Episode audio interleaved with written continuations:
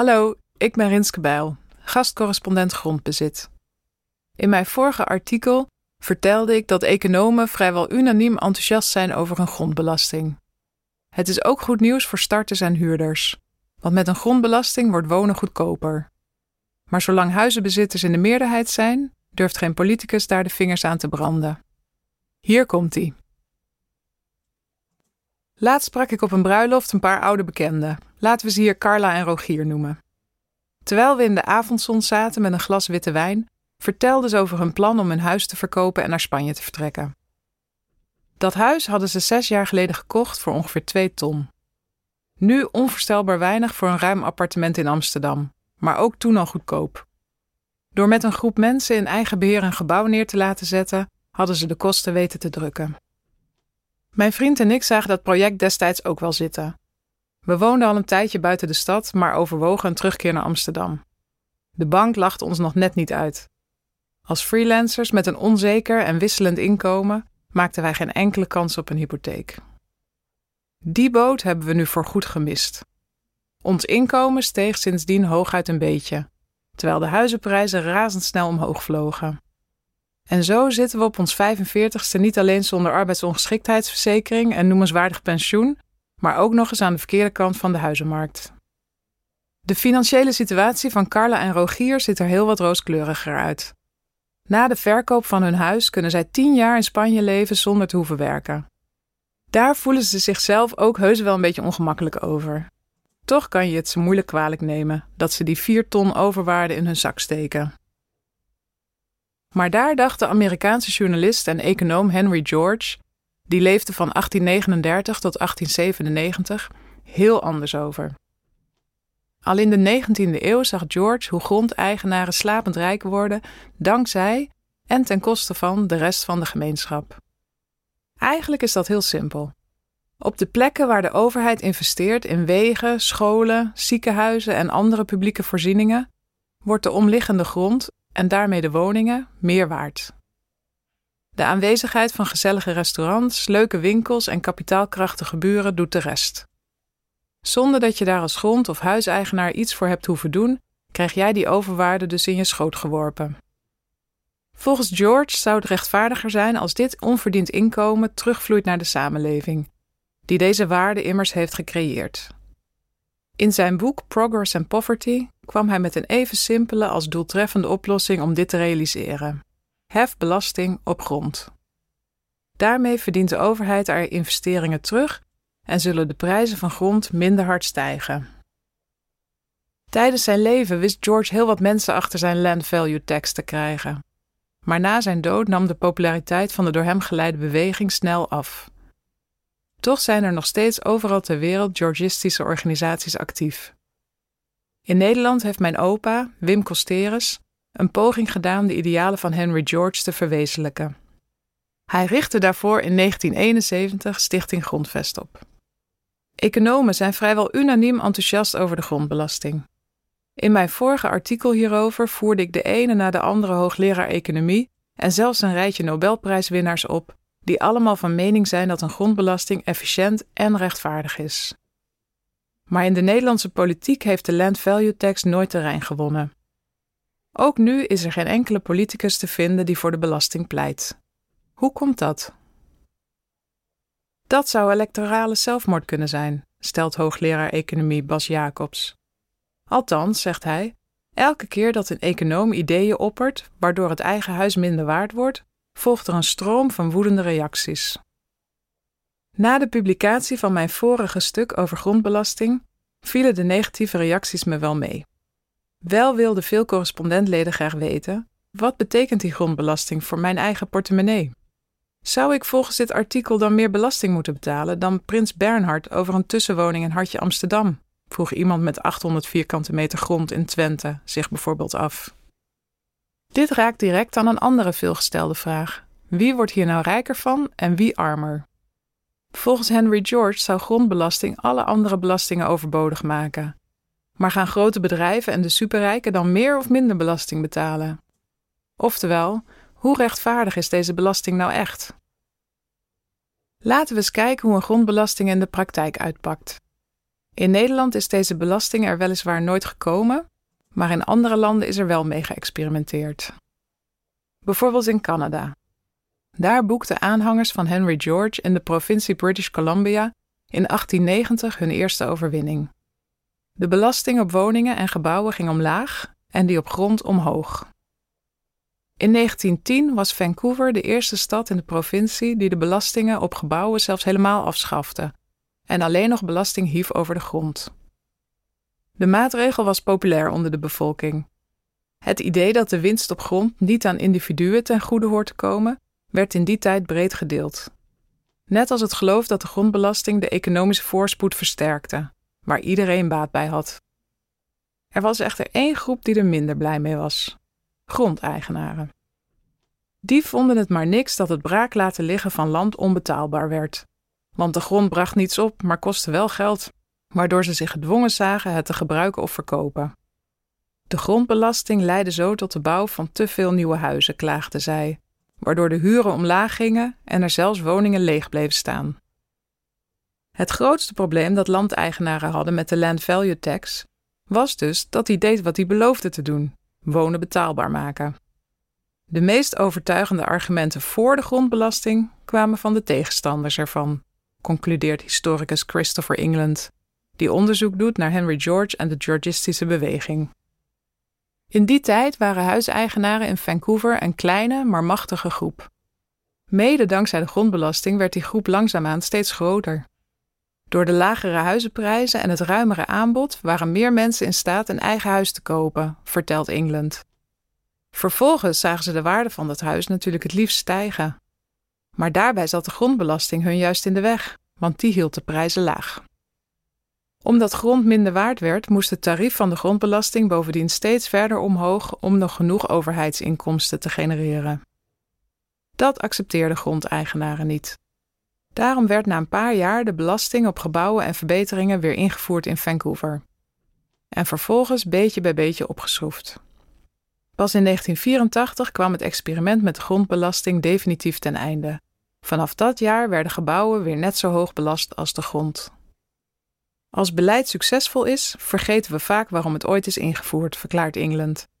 Zo ging de grondbelasting ten onder aan haar eigen succes. Ook in Nederland is het percentage van de bevolking met een eigen huis de afgelopen eeuw flink toegenomen. Bezat na de Tweede Wereldoorlog nog geen 30% van de bevolking een eigen huis? Inmiddels is dat 58%. Maar anders dan in Canada, waar de Land Value Tax voor overheidsinkomsten zorgde, heeft het stimuleren van het eigen woningbezit de Nederlandse overheid juist veel geld gekost. En waar de Land Value Tax daar de grondprijzen deed dalen, schoten ze hier juist omhoog. Dat zit zo. Om het kopen van een huis financieel aantrekkelijk te maken, worden Nederlandse huizenbezitters flink in de watten gelegd met allerlei fiscale maatregelen. Met de hypotheekrenteaftrek natuurlijk, maar ook door woningbezit slechts laag en overwaarde niet te belasten. In tegenstelling tot het vermogen van huurders die ook een spaarpotje voor later aan willen leggen.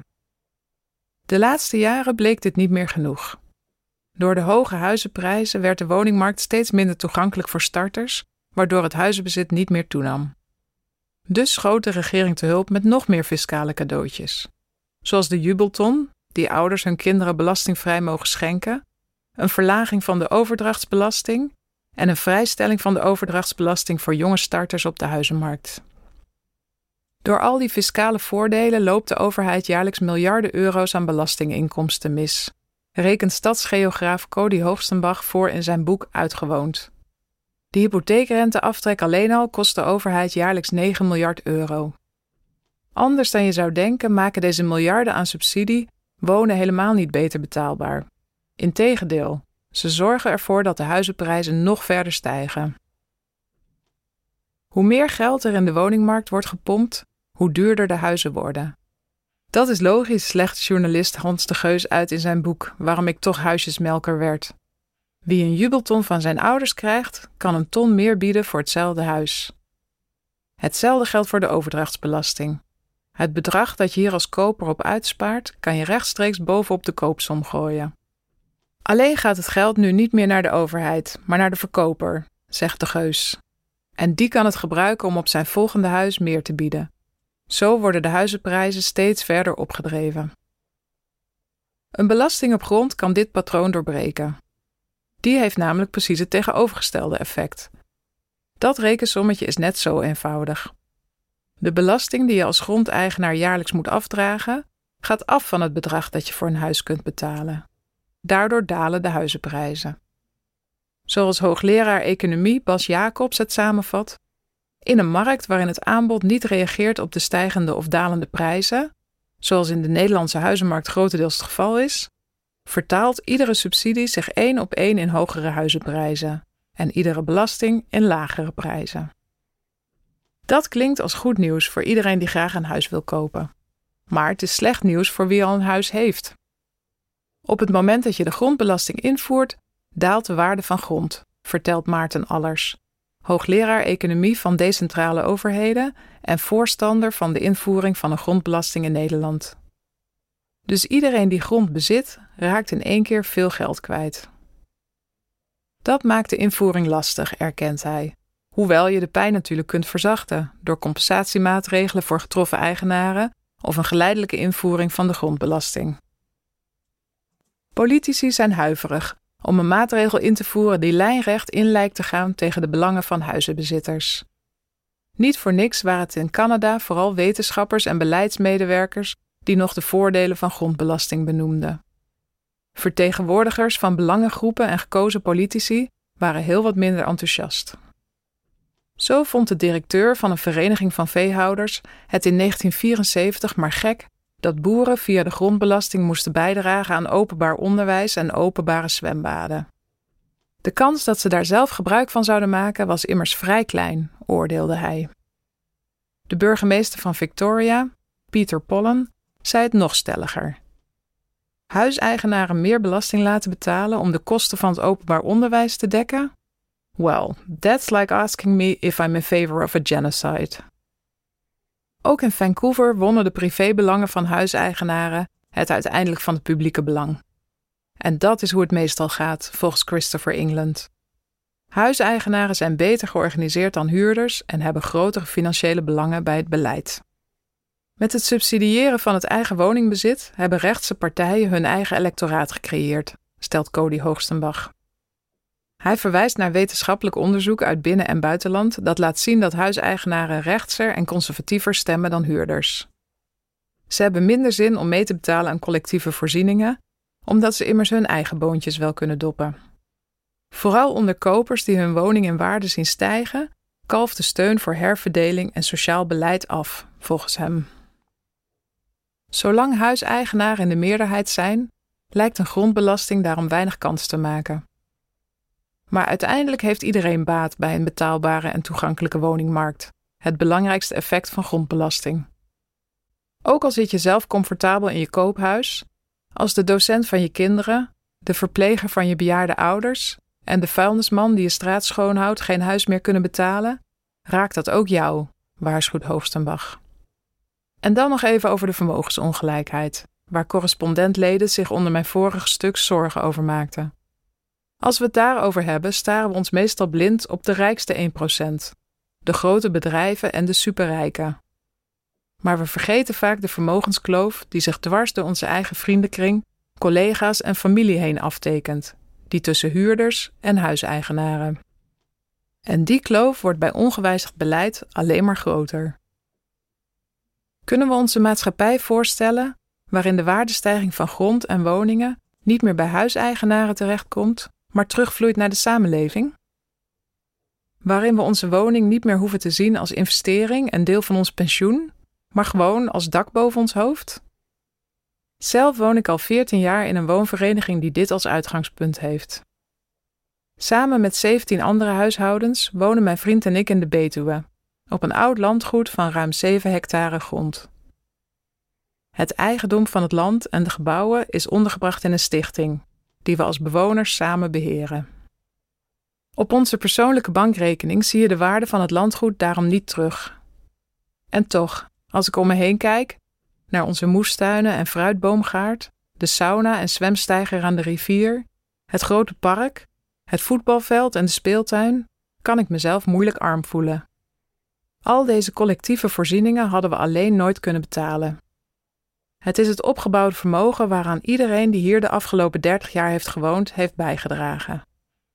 En als wij ooit weggaan, krijgen we geen zak met geld mee, zoals Carla en Rogier, die uit hun Amsterdamse woonproject vertrekken.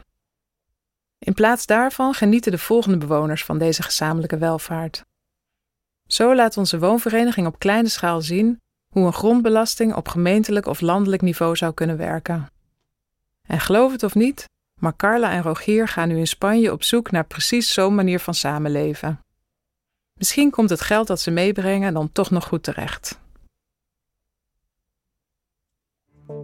Het is de missie van de correspondent om voorbij de waan van de dag te gaan. Onze correspondenten voorzien het nieuws van context en schrijven over de grote thema's van deze tijd. De correspondent geeft me de vrijheid om mijn nieuwsgierigheid te volgen en de tijd om verhalen te schrijven. En zo probeer ik onzichtbare structuren zichtbaar te maken en een andere kijk te bieden op debatten die het nieuws domineren. Dan gaat het minder over het spelletje en veel meer over wat er op het spel staat. Vanaf dag 1 zijn onze artikelen, boeken en podcasts gefinancierd door onze leden. Volg ons op onze journalistieke zoektocht. Overweeg eens lid te worden van de correspondent. En maak daarmee samen met ruim 70.000 anderen onze onafhankelijke journalistiek mogelijk. Dus word lid van de correspondent. Ja. Word lid. Word lid.